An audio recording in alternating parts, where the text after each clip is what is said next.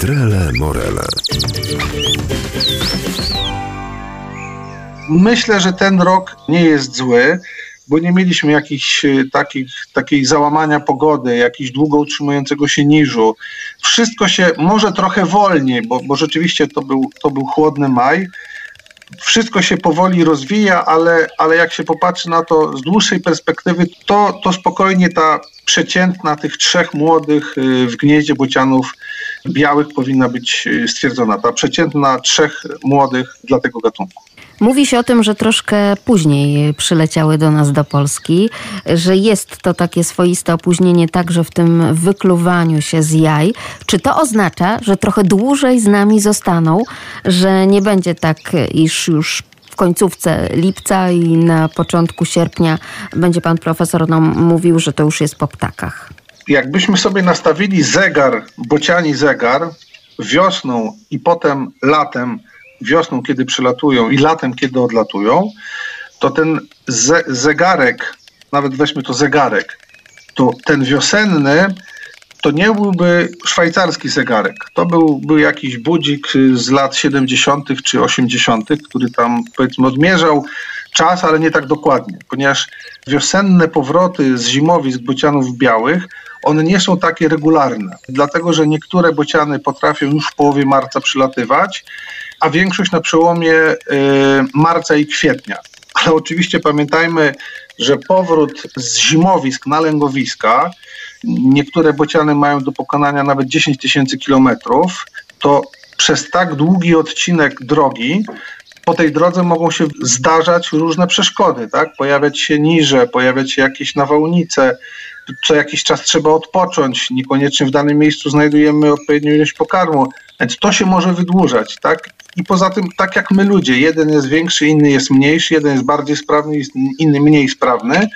I w związku z tym, że, że ta sprawność osobników wszystkich nie jest równa, no to one, to one, one potrafią przylatywać tak o różnym czasie.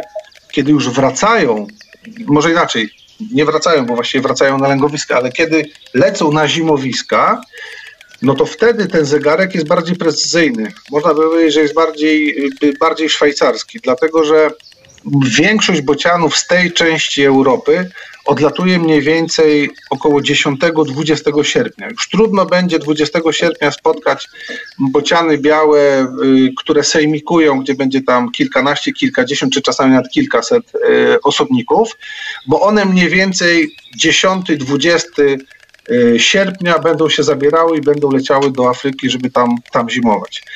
Tak więc Znowu może jest jakaś, tutaj dzięki pani redaktor, y, ja otrzymuję, dzięki o tym, że mówiliśmy o żurawiach, to przynajmniej kilka osób odpowiedziało na apel i jak ktoś widzi wędrujące żurawie wiosną czy, czy jesienią, to przysyła mi, y, że widział w danym miejscu o danej godzinie daną liczbę osobników i w jakim kierunku leciały. Więc może zróbmy też taką akcję, włączmy słuchaczy, y, niech to się nazywa powiedzmy lubelskie pożegnanie bocianów białych. I jeżeli ktoś będzie miał ochotę wykazać pewną aktywność, powiedzmy od początku sierpnia, tak do 20 sierpnia i gdzieś, gdzie będzie przemieszczał się po województwie lubelskim i zobaczy sejmikujące bociany, bo ten moment kiedy one odlatują, to one odlatują grupowo, łączą się w stada, a te, a te momenty spotkania nazywa się, że oto bociany sejmikują, czyli jakby gromadzą się w, w grupy większe. Jeżeli ktoś będzie uprzejmy tak zapisać miejsce, zapisać datę, zapisać godzinę, to, to moglibyśmy sobie zrobić taki kalendarz odlotów bocianów białych. Wtedy byśmy dokładnie wiedzieli, jaka jest średnia, średnia data, kiedy bociany odlatują. Ale ja, mm, mając na podstawie swoich obserwacji, mniej więcej ja bym obstawiał, że między 10 a 20 sierpnia większość bocianów z województwa lubelskiego, z Lubelszczyzny y, zabierze się stąd i poleci do, do Afryki. Oczywiście polecamy Państwu nasz adres jak zawsze lasmałparadio.lublin.pl i czekamy na te statystyki wraz z panem profesorem. Lasmałparadio.lublin.pl Trele Morele